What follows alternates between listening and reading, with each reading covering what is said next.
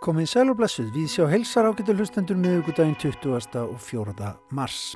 Þrýr gítarar, nýju líf og nasirningar í Viðsjá í dag. Og það er kannski rétt að taka það fram ágættu hlustendur. Við erum heilmikið að ræða um leikhús í þættinum í dag, ráðgerðar síningar á fjölunum. En þessi viðtöl voru unnin í dag fyrir bladamannafund þar sem að komi fram takmarkanir á leikhúsferðir landsmanna. En svona er þetta bara, hlutnir breytast rætt. Já, við ræðum til dæmis í dag við Benedikt Erlingsson leikstjóra en tilstóðu að þjóðlikósið myndi frum sína á förstu dag leikritið nasetningana eftir fransk-rúmenska leikskáttið Eugene Ionesco í leikstjórn Benedikts. Leikritið var fyrst sínt 1959 og fór í kjölfarið sigur förum heiminn, verk sem að fjallar mögulega um músefjun og músálir, verk sem að hefur verið sett upp oft og víða, enda margir þeirra skoðunar að það spyrja en áleitina og augrandi spurninga. Kanski talar það allt og velin í okkar samtíma. Meirum það í setni hluta við sjár í dag. Við ætlum líka að forvitnast um nýja útgáfu hins íslenska gítartríós á verkum nokkura íslenskra tónskálda fyrir þrjá gítara. Hið íslenska gítartríó mynda þeir Þórarinn Sigurbergsson, Þröstur Þorbjörnsson og Svanur Vilbergsson. Við sláum á þráðin til Þórarinn sér eftir östutastund. Og Snæbjörn Brynjarsson, leikús gaggrinandi þáttarins, hann fjallar í dag um leiksýninguna Nýju líf sem eh, fjallar um líf og list Bubba Mortens en eh, hún fer aftur á fjallir borgarleikúsins eftir nokkur klið í apríl ef Guð lofar. Þetta er síning sem að sló einlega í gegn á sínum tíma og margir sem hafa beðið eftir því að hún færi aftur af stað. En við byrjum á glæniri íslenskri gítartónlist.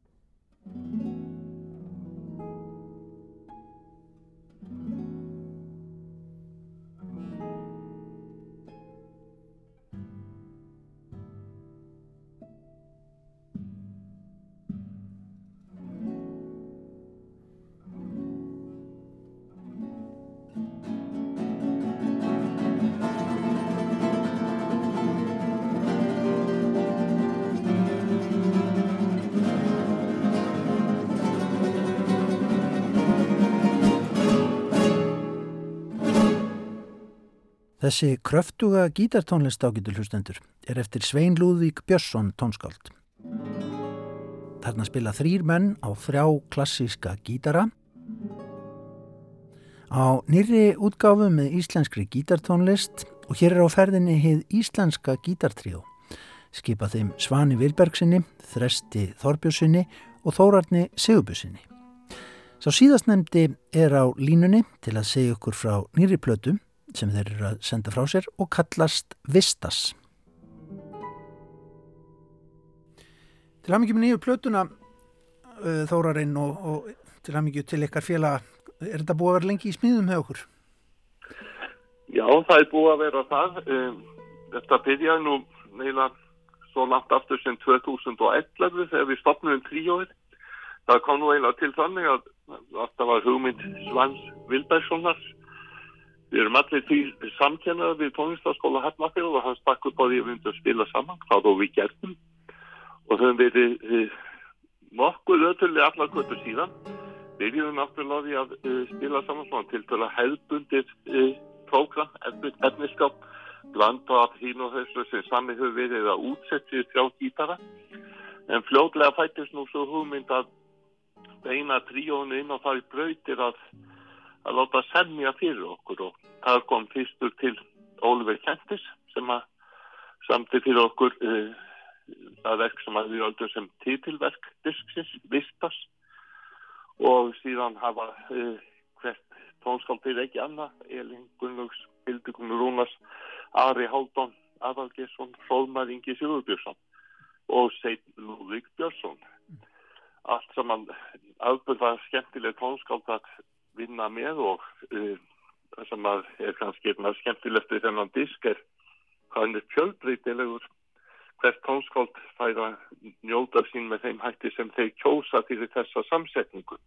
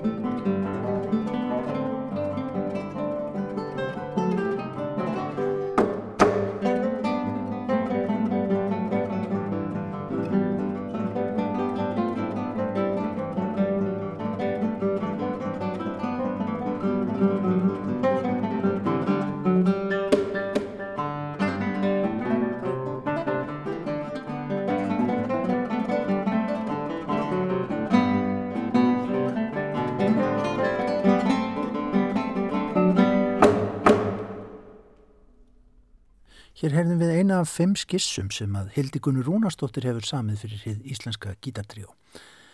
En Þórarinn bendir á að það séu þetta ekki mikið til fyrir þessa samsetningu.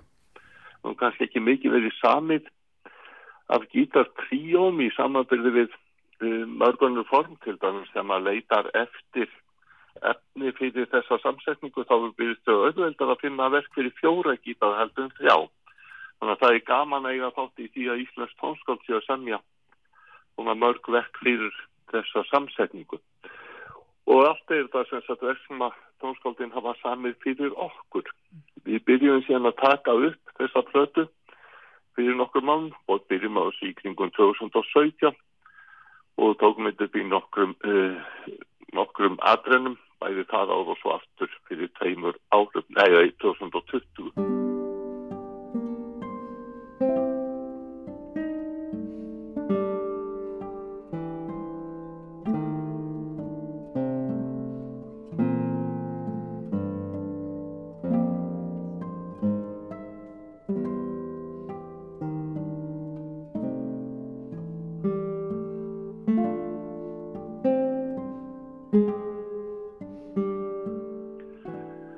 Hvernig hérna tóku tónskáldin ykkur? Mjög vel og uh, mörgum það þetta er mitt uh, skemmtilegt viðfánsefni að taka stáði það að semja fyrir þessa hljóðfærasamsetningu. Er það sko, já þurfaðu að setja sig í einhverja stellingar en ég menna það, það er náttúrulega í þessum tónsmíðum auðvitað alltaf heilmikið hljóðfæra fræði þar maður að þekka inn og út hvernig gítarinn virkar og hvað þá samspil þryggja? Já, það er tónskáld tala í mynd oftum það að gítarinn sé erfitt hljóðfæra að eiga við hvað þetta verðar meðan að það eru kannski til gítarlegar handbækur verðandi tónsmiða fyrir önnur hljóðfæri þá er ekki um auð, eins auðuan garda greiðsja hvað verða gítarinn. Og e, eitt af því sem að hefur nefnt um í þessu sambandi það er þessi endalösi möguleikar á blæbyrjum fyrir e, á þessu hljóðfæri því að sami e, hlutu leikin á mismandi stöðum á, á gítarhálsunum e, skapar mjög ólík blæbreyðu. Þetta var tónskáld nefnt einni sem skemmtilega áskorun var það að semja fyrir gítarinn. Og það vil nú svo til að allan að tvö þessum tónskáldum þekkja vel til gítarsins hafandi spilað á hann. Og e, síðan hefur til dæmis Óluveið samið mjög mikið fyrir gítar á undanförnum árum.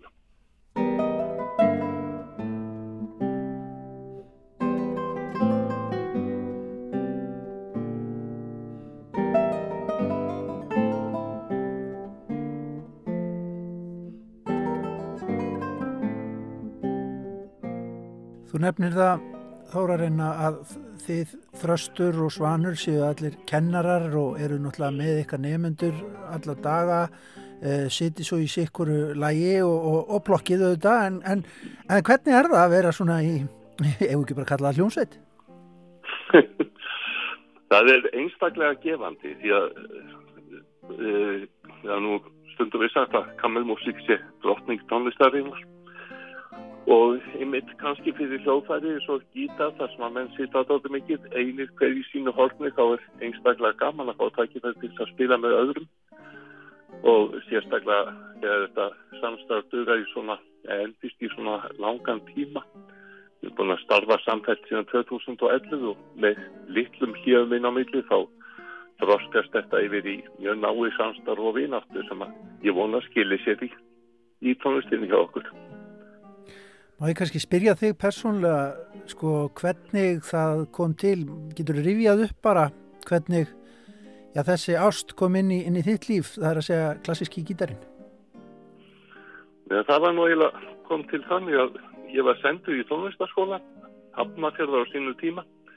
Ég var ekki nema nýja ára gammal og það var nú ætlun að ég lærði á trompet.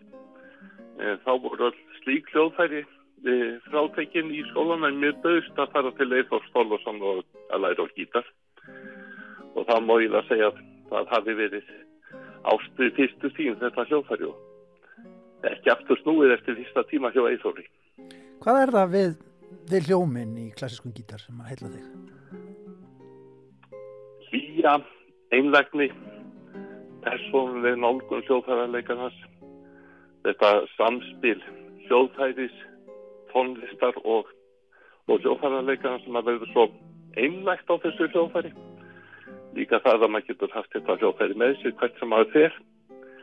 Ég uh, öfunda ekki píanóleikarna sem að þurfa ganga hverju sem er og geta spilað á það, ég vil óundibúið. Við getum alltaf haft okkar hljóðfæri með okkur. Þannig að þessi persónulega námt við hljóðfæri verður mjög sérstök á slíkum hljóðfæri sem hægt er að bera með sér. Það er hansi náið samband melli gítarleikara og, og, og gítars, ekki satt? Já, það er mjög náið og, og það, það er náið að það er tilfæðilega auðvelt að þekkja einn gítarleikar frá öðrum tómar sjá ekki til þessi að spila. Dórarinn, ég veit þú ert að fara að dæma próf, er það ekki örgulega gítarpróf? Jú, það er reynda vilt svo til að það eru gítarpróf. Hvernig er nýliðun í, gítarnámi svona almennt á, á landinu? Getur þú eitthvað dæmt um það? Já, það er, hún er það mikið loður að ekki lengur getur maður haldið utan allan þann mikla fjölda gítarleikara sem er að útskriðast og stunda framhaldsnám. Þegar ég var að klára á sinu tíma þá vissum maður um alla sem voru kominir eitthvað áleið síðan á mig en núna í ógjörningur halda utan það allan og margir ungir afbyrðarkóðir gítarleikar að koma fram á sjónarsvið í mitt á seinustu árum. Þannig að framtíðin fyrir gítarinn ætti að vera björnt Frábært að heyra. Eða við að leifa hlustundum að heyra kannski kabla úr uh, verki Óliver Kentis fyrst að það er titilverk uh, plötunar Já, það verður gaman. Hvað myndur þú velja fyrir okkur? Ég myndi velja loka þáttverkins heyrum hann. Takk kærlega fyrir spjallið Þórarinn og byggðum að heilsa til Íslenska Gítartríósins. Takk fyrir það.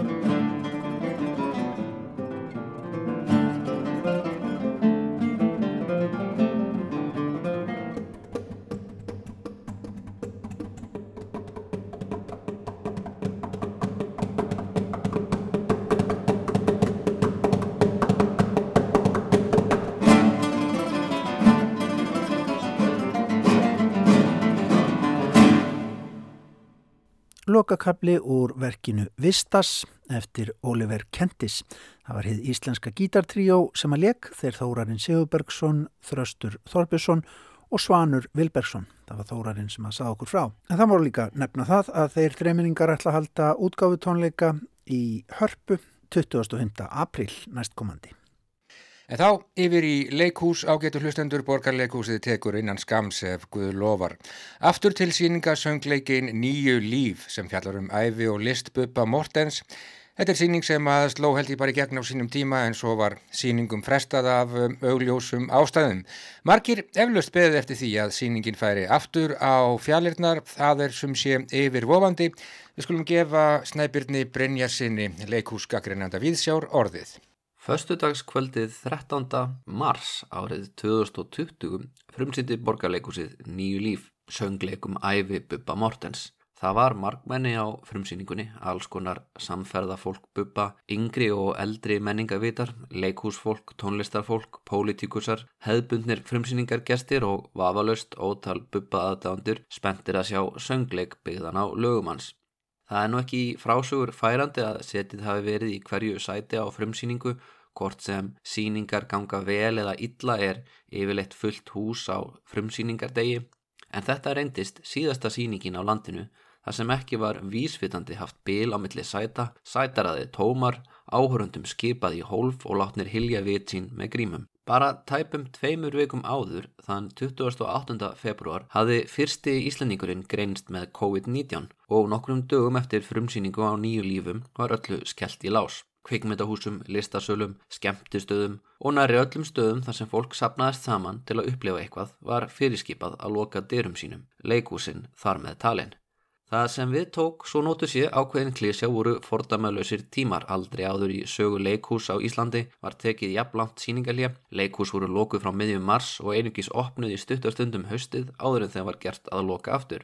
Meira að segja á tímum spænsku veikinar var ekki svona langt hlýja, þó að vísu megi segja að leikfélagið hafi verið aðeins hefnara með verkefnaval og tímasetningar árið 2020 en árið 1918. Veturinn 1918 ætlaði leikfélagið að setja á sig leikrit Einars Kvaran sem Lénharð Fókita sem snerist um uppreist íslenskara bænda gegn valdnýslu danskara embatismanna og að ætlaði að vera einsla í baróttu Íslands fyrir fullveldi sínum En þegar það loks fór á svið hafði Ísland öðrast fullveldi og leikritavali því mögulega ekki eins hárbeitt og það hefði geta verið. Bubbi hins vegar er mögulega klassískari. Áhugin á sönglugum hans sveiplast ekki eins og gengi íslensku krónunar eða fellur úr gildi eins og pólitísk ádöluverk sem talin í samtíma sinn og síðar ekki meir. Nýverið tilkynnti borgarleikusið að það hegðist hefja síningar á nýju lífum aftur eftir árs hlið. Það er kannski vísbendingum að við séum að snúa aftur í venjulegt ástand því stórir söngleikir ganga ekki upp fyrir hálftómum sölum. Reglur hafa verið ringaða nægila til að það borgi sig að setja upp síninga með dansatriðum en hinga til hafa stóru leikusinn 2 verið rekin fyrst og fremst á síningum með annarkort mjög fáum leikurum eða síningum sem beinast að börnum því að takmarkanir hafa ekki verið einn strángar þegar það kemur að yngstu áhrundum og því ætti að fylla fleiri sæti. En hvers konar síning er nýju líf? Söngleikurinn sem Ólafur Egil Egilson skrifaði segir frá lífi Ásbjörns Mortens sem auðvitað er betur þættur sem Bubbi frá því hann er ungur drengur til dagsins í dag. Ótað leikarar stíga í hlutverk Bubba, Aron Már Ólafsson leikur hann sem ungan og órindan trúbátur, Jóhann Sigurðarsson holdgerir Bubba góðæri sinns kortir í hrun, Björn Stefansson byrtist okkur sem utan garsmanna Bubbi, Haldóra Geirarsdóttir er rokkaður ego-bubbi og Hjörtur Jóhann Jónsson er bubbi á botninum að reyna að finna aftur þráðin í meðferð, svo nokkuð dæmi séu nefnd. Það eru margir óliki bubbar en það er hann fjölhæfur listamæður sem hefur gefið út 34 soloplötur fyrir utan efnið sem hann hefur gefið út í samstarfi við aðra. Ævibubba er líka hádramatísk, sögur um rockara sem falla og rýs upp aftur eða rýsa ekki er klassíst við fangsefni margara kvikmynda á borði til dæmis Walk the Line, The Doors og Ray. En kannski er svo hugmynd að láta marga og ólíka leikara tólka bubba á mismunandi skeiðum æfi hans og listræns ferils. Sótt í kvikmyndina I'm Not There þar sem leiksturinn Todd Haynes fekk marga leikara til að tólka mismunandi hliðar listamannsins Bob Dylans sem er auðvitað að mörguleiti líka listamæður sem hefur haft mikil áhrif á höfundarverk Bubba. Nýju líf minnir þó ekki sérstaklega á neina kvikmynd heldur frekar annan söngleik sem settur var upp fyrir stuttu og er mest sínda verki sögu leikfélags Reykjavíkur. Elli sem fjallar um æfi Eljar Viljáms og stiklar á stóri æfi hennar með sönglugum frá uppafi ferilsennar til enda var sínd með enn 200 sinnum og slóð þar með öll fyrri met í borgarleikusinu. Verkið var frumsýnd 18. mars 2017 og þegar síningin var í júni 2019 sínd í síðasta sinn höfðu meira enn 100.000 manns séð Elli. Það er því ekki að undra þótt borgarleikusið hafi verið spennt fyrir því að fá Ólaf Egil til að skrifa leikgerð með einhvern annan vinsælan íslenskan tónlistamann því hann á samt gíslaðirni Garðarsinni skrifaði Elli sem sló svo eftirminnilega í gegn. Bubbiðu þetta liggur beinast við því allir íslendingar kannast við að minnstu kosti nokkur lög eftir hann og fáir ef einhverjir eiga ekki einhvert uppáhaldslag. Dansin í verkinu útværir Lee Proud Fáir komast með ternar þar sem Lee hefur hælana þegar kemur að koreografíu á Íslandi. Hann notar einfaldar hreyfingar sem bæta miklu við tónlistina og hefur næmt auga fyrir myndrætni uppbyggingu. Ilmur Stefansdóttir kom með ýmsar sniðuða lausnir í leikmyndinni sem þurfti að tækla mörg mismunandi tímabil með stuttu millibili og sama má segjum Filipju í Elísdóttur búningahönnuð. Að öðrum leikurum í verkinu Ólöstuðum eru Björn Stefansson og Haldóra Gerastóttir langt best á sviði Björn tólkar buppa og pöngskeiði sínu af miklum krafti og Haldóra fangar vel mikilmennsku brjálaði sem fylgir í kjölfarið á því. Auglýsingaplakatið fyrir síninguna er umtalað og umdelt. Myndin síndi buppa stara lindadómsfullan út í loftið með síkaretu í kæftinum en svo retta var þó rifin úr honum þegar í ljós kom að um hugsanlegt lögbrót væri að ræða. Tóbak mætti einfallega ekki koma fyrir í markaðs- og kynningarefni. Þessi rittskoðun var mörgum umhugsunar efni og ónættilega var ungi bubbi með síkaretuna mun meira töff en sá sem starði tómlega út í loftið eftir að síkaretan fór. Þannig var síningin svo liti líka fyrir og eftir hlýja. Tónlistaratriðin voru þannig að marga hangað að syngja með en þó verður að segjast að bæði músikin og sagan eru betri fyrir hlýja en eftir. Það væru ígur að segja að Bubbi hafi orðt sín bestu ljóð og samið sín bestu lög áður en hann varð edru Höfundaverk hans er of stórt fyrir svo glannalega fullirðingum en lífans er augljóslega mun dramatískara og meira spennandi. Og þó svo það megi segja þegar hann var á fullu í góðarinu búin að selja réttin að lögum sínum og fjárfesta hafa hann verið að fyll upp í ákveði tóm þá er stökkið úr góðarisbubba yfir í sáttabubba sem Valur Freyr Einarsson tólkar, bubban sem hefur lært sína leksi og fundið jafnvægi einfallega ekki jafn stort og dramatískt og á milli pönkaða buppa yfir í fráskilda edru buppa. Það er eini raunverulegi veikleiki söngleiksins að lögin fyrir hlið eru meira íkonísk og dramatísk þó svo nokkrar ágættis og kannski vandaðri lagasmíðar leynist eftir hlið. Söngleikurinn er þess aðlist að heitustu aðdándu buppa munu eflaust njótans og á sama tíma finna eitthvað sem þeir hefðu viljað gera meira úr. Verkið stiklar á stóru þannig að flestir frægustu punktar tónlistaferilsins komast til skila og ég hugsa að meðal áhörandin, meðal Íslandingurinn sem hefur alist uppi buppa muni fara sáttastur út. Hvort síningar ná að slaga upp í 200 er ekki víst en þegar opna verðu fyrir áhörundum á ný mun nýju líf vafalust njóta mikill að vinselda því þetta er kraftmikill söngleikur, vel útferður og allir geta fundið sér einhvern buppa sem þeir tengja við. Skömmu fyrir sólsetur sé ég miðnætti sigla að leita skjóls í minningum liðins tíma. Vari mín að reyfast, sér þú það? Andlit mitt sem frosinn gríma Úr tóminu heyri ég spámann sem sorg Dæmir þú aðra er engin tími til að elska. Ég spyr með augunum verð ég dæmdur fyrir morð? Á sjálfu mér takk ég enga sjensa þyrti ekki að gíska, ef ég þyrti ekki að gíska myndi ég gladur játa. Það sem ég gæti hafa gert. Þessi visa, ekki væri þessi visa myndi ég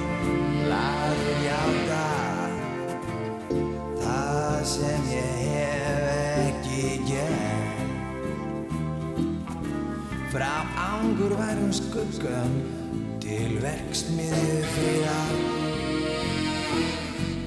Eru fuglarni frjálsir, spyr ég sjálfan mig. Því þó vindar blásir eins og þeim ekkert miði Með hlekki himins vafna um sjálfa sig spyr ég hjartaði Drónaði Hver er tjáning ástarinnar? Og það svara Þögnin vissir það ekki? Að ástin er tjáning þagnarinnar. Ef þýtti að giska, ekki þýtt að giska. Myndi ég glaður játa það sem ég gæti hafa gert. Ef ekki væri þessi vissa, ekki væri þessi vissa myndi ég glaður gráta. Þess sem ég aldrei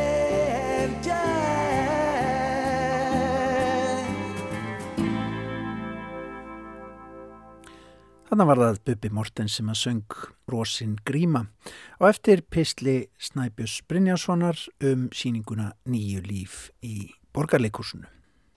Og úr einu leikhúsi yfir í annað hér í Víðsjá á miðugudegi. Ég segi ekki að fjandinn sjálfur leiki lausum hala í þjóðleikhúsinu en það lætur nærri, það lætur nærri.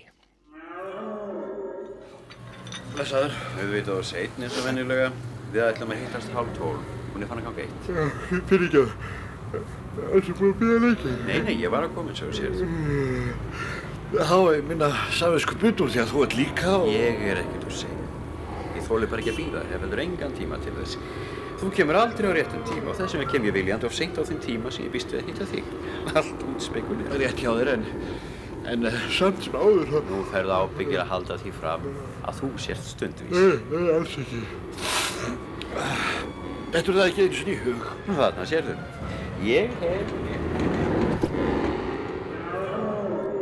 Hverstarslegt líf í litlum bæ umturnast þegar íbúarnir taka að breytast í nashyrninga hver af öðrum, allir nema hlétrægur skrifstofumadur sem er gaggrindur af vinnufélagunum fyrir óstundvísi, óreglu og frjálslegt líferni. Hvers vegna er það einmitt bara hann sem reynir að spyrna við fótum og halda í mennskuna. Væri ekki ákjósanlegra að kaupa miða í leikhús og sjá skemmtilega leiksýningu? Hefur þér talað um tilrunarleikhúsið? Nei, því miður. Með því að taka tvær af átta löppum tveggja katta. Það verður að leika leikrit eftir Jónesko í útvarpi núna. Þú ættir að hlusta á það.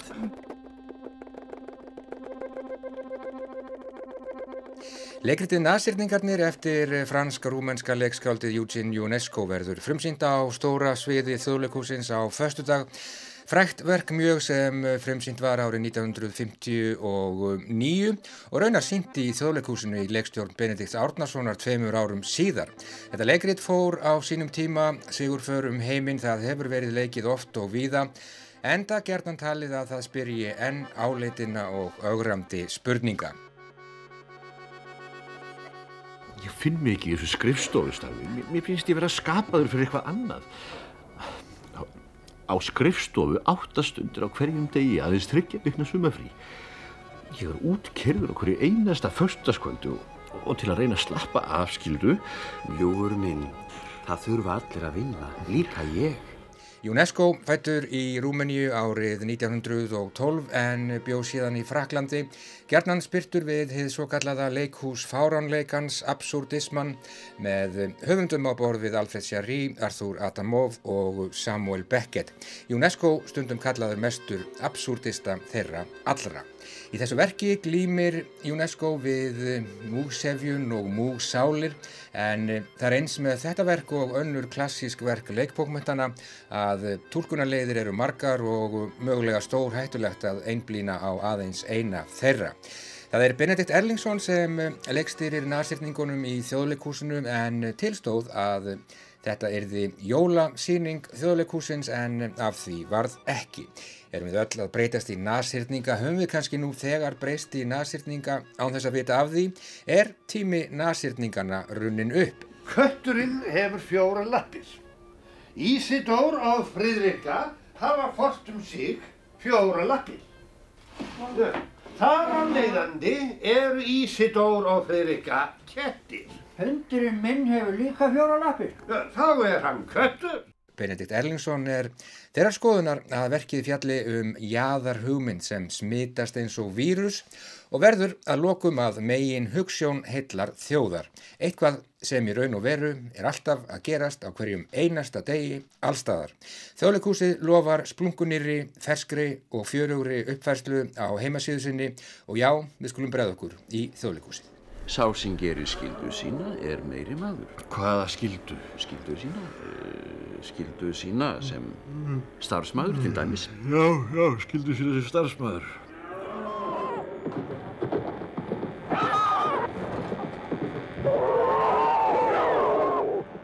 Já, ég komin hingað uh, niður í þjóðleikús við hverfisgötu í Reykjavík. Sitt hér nánartiltekið í hinnum svo kallaða Kristalsal sem er uh, já, bara jafnfallegur og, og venjulega með uh, allar sínar brjóstmyndir og, og málverk og helleg heit. Að fara frumsýna hér á föstu dag leikrit sem heitir Nas-hyrningarnir og er eftir fransk-rúmenska reytufundin Eugene UNESCO. Þetta er verk sem var frumsýnd árið 1959 og fór strax í kjölfærið þinn að svo kallu og frægu sigur för um heiminn.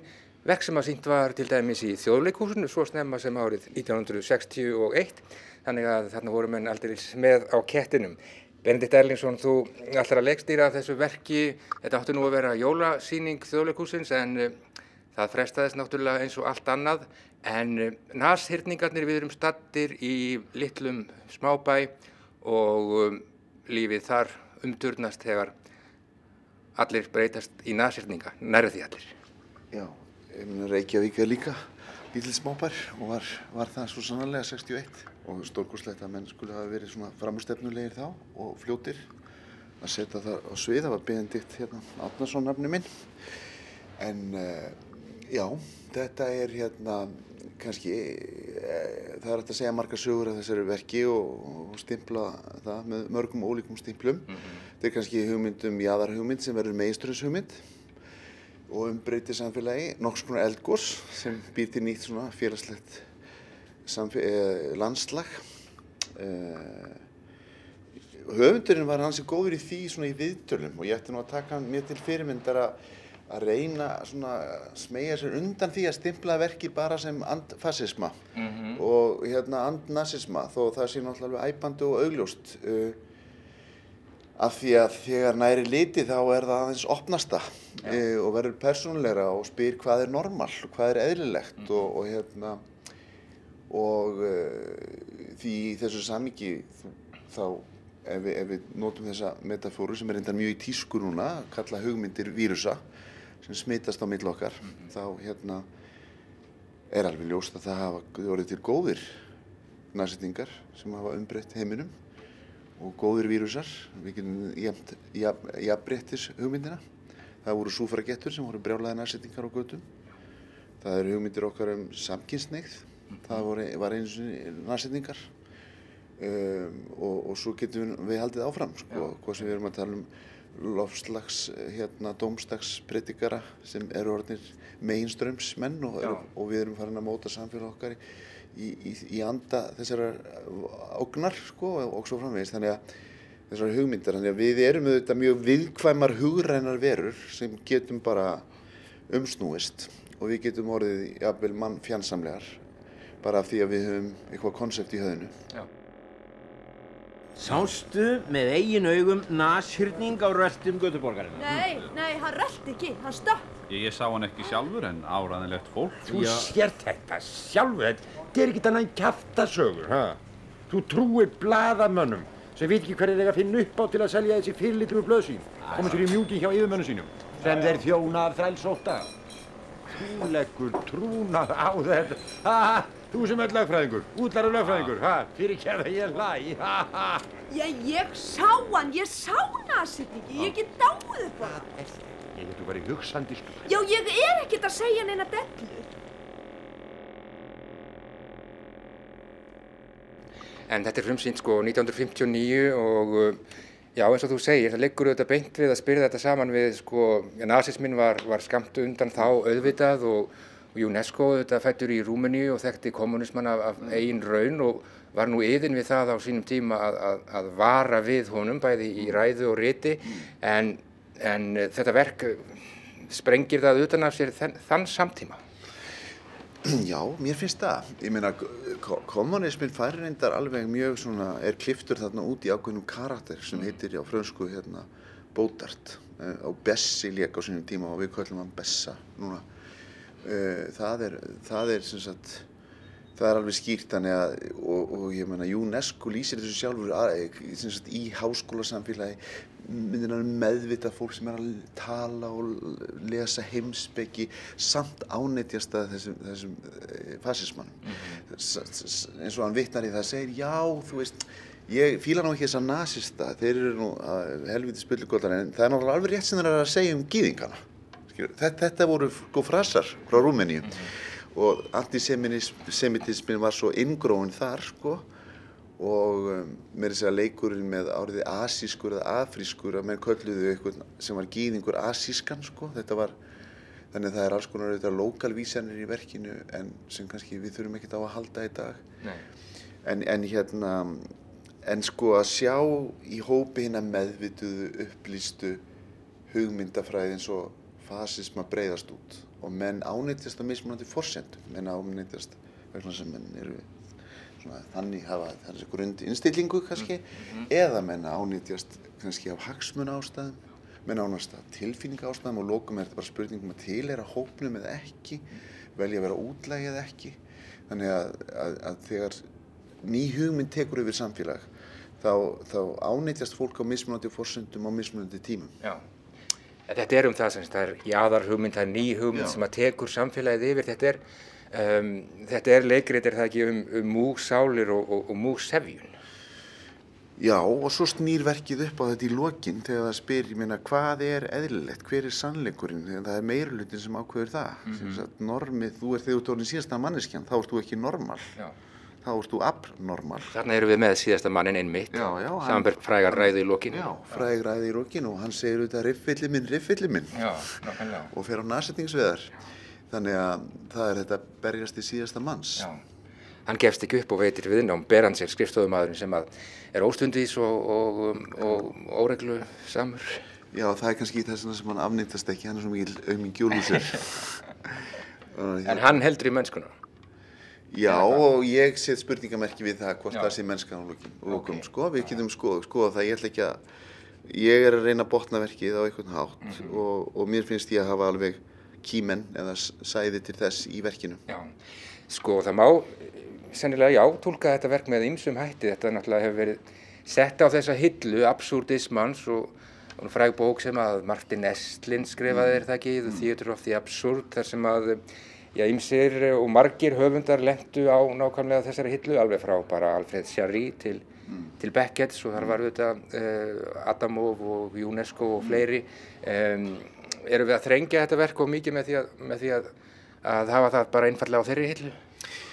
Já, mér finnst það. Ég meina, ekki bara fyrir þetta markasteildin hefur bannað mér að tala um absúrt leikus í þessu samviki og, og, og við ættum frekar að tala um gleðuspringju. Ok. Þá, þá er ég svolítið sammálað um það að þetta er náttúrulega ekkert svona, þetta, þetta er faktist mjög svona jarðbundi verk og realist og skýrt og... Jarðbundið að breyta mönnum í, í nasismi? Já, ég meina, come on, þú serð bara Marvel þarna, efni í sjónvarpinu eða ferð á Netflix þá er annað hver, hver saga þar um ofurhetjur, sko.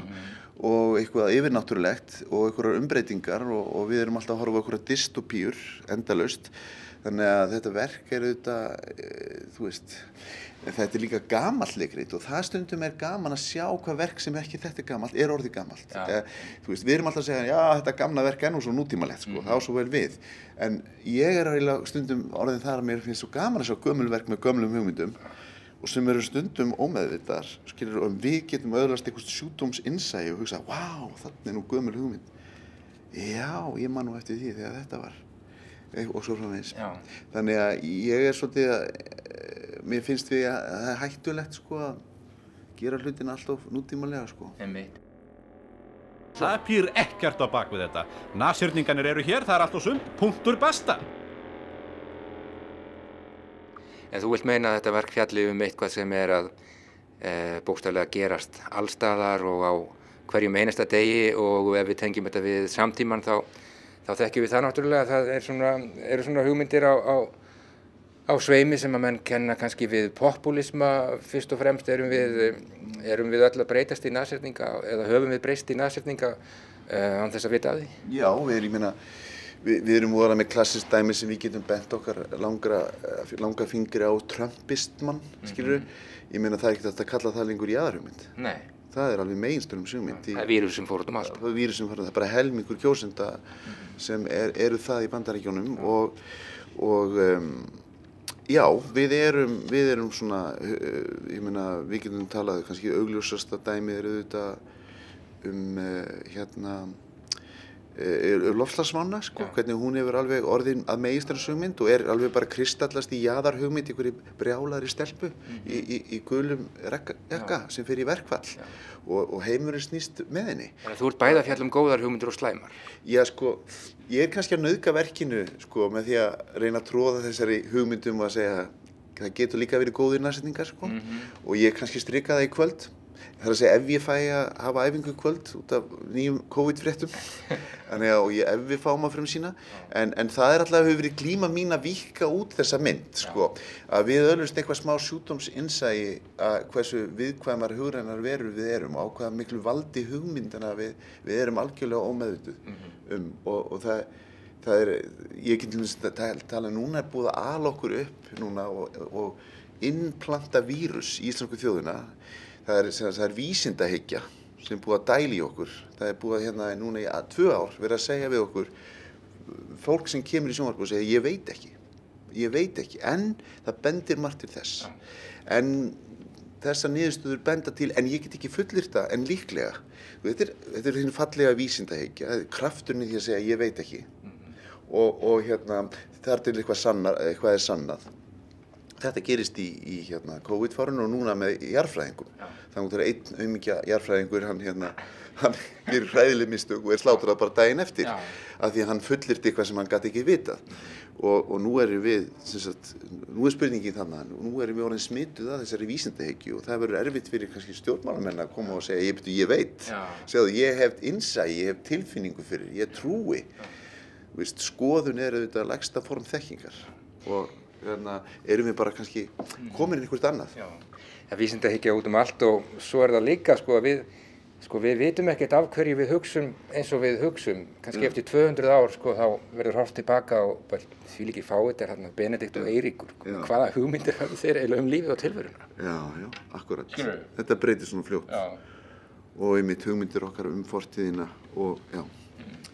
En, en hérna, en þetta speglast allt auðvitað hérna af því að við byrjuðum hérna að tala um kristalsal. Já. og mér finnst þetta alltaf svo þessi hræðilegi frasi mustur í íslenska tungu en honum fylgdi bara alveg stórkostlegur frasi annar sem er ofta ekki talað um heldur líka vígvöllur hugmynda Já. og hugsjóna.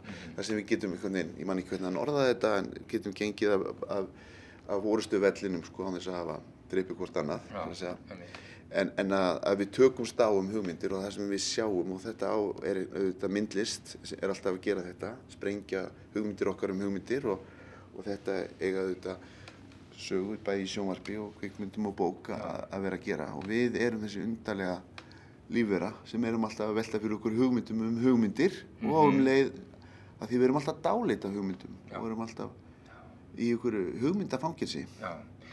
Já, þú ert trefin að þessum frasa að leiksiði sé svona vígvöllur hugmynda. Já, allavega um þessa myndir, ég er haldið þeim, þeim vírus þá til annað kemur í ljós. Já, ok. Það sem háskólagengi fólk skortir algjörlega eru skýrar hugmyndir, aðteglisgáfa og brjóstvít sveitamanns. Heyrðu mig nú. Afsakið, það, það láði þér þá sinn. Heyrðu Bergur, Bergur, sást þú nasýrning? Háskóla fólk er alltaf upp í Mm. skíjónum. Þekkir ekki raunveruleikan. Kaftaði. Já, höfum sá ég hann. Hvað? Þarna sérðu, ég er ekki alveg brjálu. Ó, Bergur segir þetta bara góðmennsku, því hann er góðmenni en þú þótt að líti út fyrir að vera það. Er það nú einhver góðmennska að segja að maður hafi séð nasfyrning? Auðvitað, þegar það er aðeins gert til að styðja fráleitt bullu og dittu. Þið eru allir að reyna að koma ykkur í mjúki hjá þig. Nasirningarnir er jarðbundið verk, segir þú, en þetta er auðvitað, uh, þetta er í grunninn bara svona, ef við sjóðum þetta niður um alltaf einfalda hlutina, þetta er táksaga. Já, já, við getum sagt að þetta er allegória, þetta er, þetta er gleðispringja, þetta er sirkus. Ég hérna, jú, mér finnst þetta að vera hérna ótrúlega öflugt verk. Já. Uh, á heimasíðu þjóðleikúsins stendur takk fyrir uh, ný, fersk og fjörug uppfærsla uh, hjá Benedikt á nasirningunum á, á förstu dag. Þú er búin að dvelja dálítið lengi með þessu verki. Þetta átti að vera jólasynning eins og ég sagði áðan og þú lékst í því fyrir löngu síðan. Já, ég leik hérna Juan eða Jón, ekkert tíma 85 í uppsetningu Andrisa Sigurvinssonar og hérna, við sagt að þetta sé mitt listræna ansvar við þeirri uppsetningu en, en hérna þessi, þetta verk er búið að lengi vera hér til skoðunar og, og við ákvaðum þetta, við Magnús, þetta var fyrir, fyrir tíma COVID-s og svo kom það, þannig að, ég, ég, en, en, þannig að þetta er, hefur verið orðið allt óþ, óþægilega aktúelt. Það eldi mér nasýrningur allar þeirna heimann og hinga. Einu að tvíhjöndur. Nasirning. Ég get það ekki þig. Leifið henn að tala. Er. Tíminn nasirningana upprunnin, uh, það er uh, miðugudagur farið að nálgast uh, hádegi, já, frumsýning á förstu dag. Ég gerir ráð fyrir því að þetta sé bara ekkert tilbúið.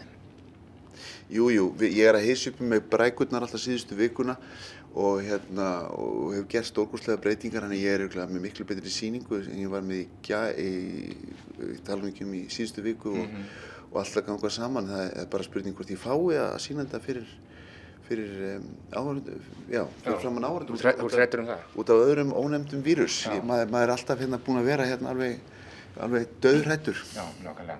Og gott fólk á sviði og, uh, já, ekki bara fólk, heldur líka köttur. Já, það er lifandi köttur. já. Rúfus. Li, já, Rúfus, lifandi dýr. Það er, það er, það er sirkusinn, sko. Já. Þú ert ekki með sirkus nema að hafa lifandi dýr. Nei. Þannig það eru lifa, alvöru næstingar og, og lifandi dýr. Bara alveg í lokin, Benedikt, veistu af hverju uh, UNESCO valdi uh, nasirninga en ekki til dæmis bara krokodíla eða, mm, eða hérna, ég veit ekki. hvað Já, annað? já, ég fór að hugsa um þetta, sko, nasetningur er þetta bara belja í grunninn Aha. sem býr á sléttunni og, og þú hefur eiginlega tvo möguleika, sko, sem belja á forsögulegum tíma. Það er annarkvort gerur þið það gaglegan í, fyrir þennan, þennan hárlösa apa að hann fyrir að hugsa um þig og verja þig fyrir rándýrónum og hérna þú, þú, rinni, þú temur apan til þess að passa þig sem, mjög, hérna, sem, sem beljurnar gerðu eða þú, þú þróar með þér brimvarnir og, og lætur vaksa á þér horn og, og þróa þig fram í nasetning og verður þá skapill brimvarin belja sem, sem hérna sem, sem, sem, er, eh, sem, eru þeir, baular. já, en nasetningurinn er einhvern veginn tákn, eh, þú veist, fyrir ofsa og ofbeldi, hann er, hann er nærsýndýr sem, sem, sem verður mjög aggressíft ef eitthvað kemur og ógnar honum og, og reyður því úr vegi og þar með auðvitað er hann svona augljóst tákn fyrir, fyrir fasismann sem er bara ofsi og ofbeldi og sérstaklega gagvart þeim sem, sem er ekki að sumu tegund. Nákvæmlega. Ég er síðasti maðurinn, ég uh, skal vera það þangað til yfir líkur. Ég gefst ekki upp nasirningarnir í þjóðleikúsinu á förstu dag. Ég segi takk fyrir mig, Benedikt Ellisson og ég laka til að sjá takk. Jæja, það verður að hafa það. Ég mun verjast gegn gerðvöllum heiminum. Gegn gerðvöllum heiminum mun ég verjast. Gegn gerðvöllum heiminum mun ég verjast. Ég er síðasti maðurinn. Ég mun halda áfram að vera það þar til yfir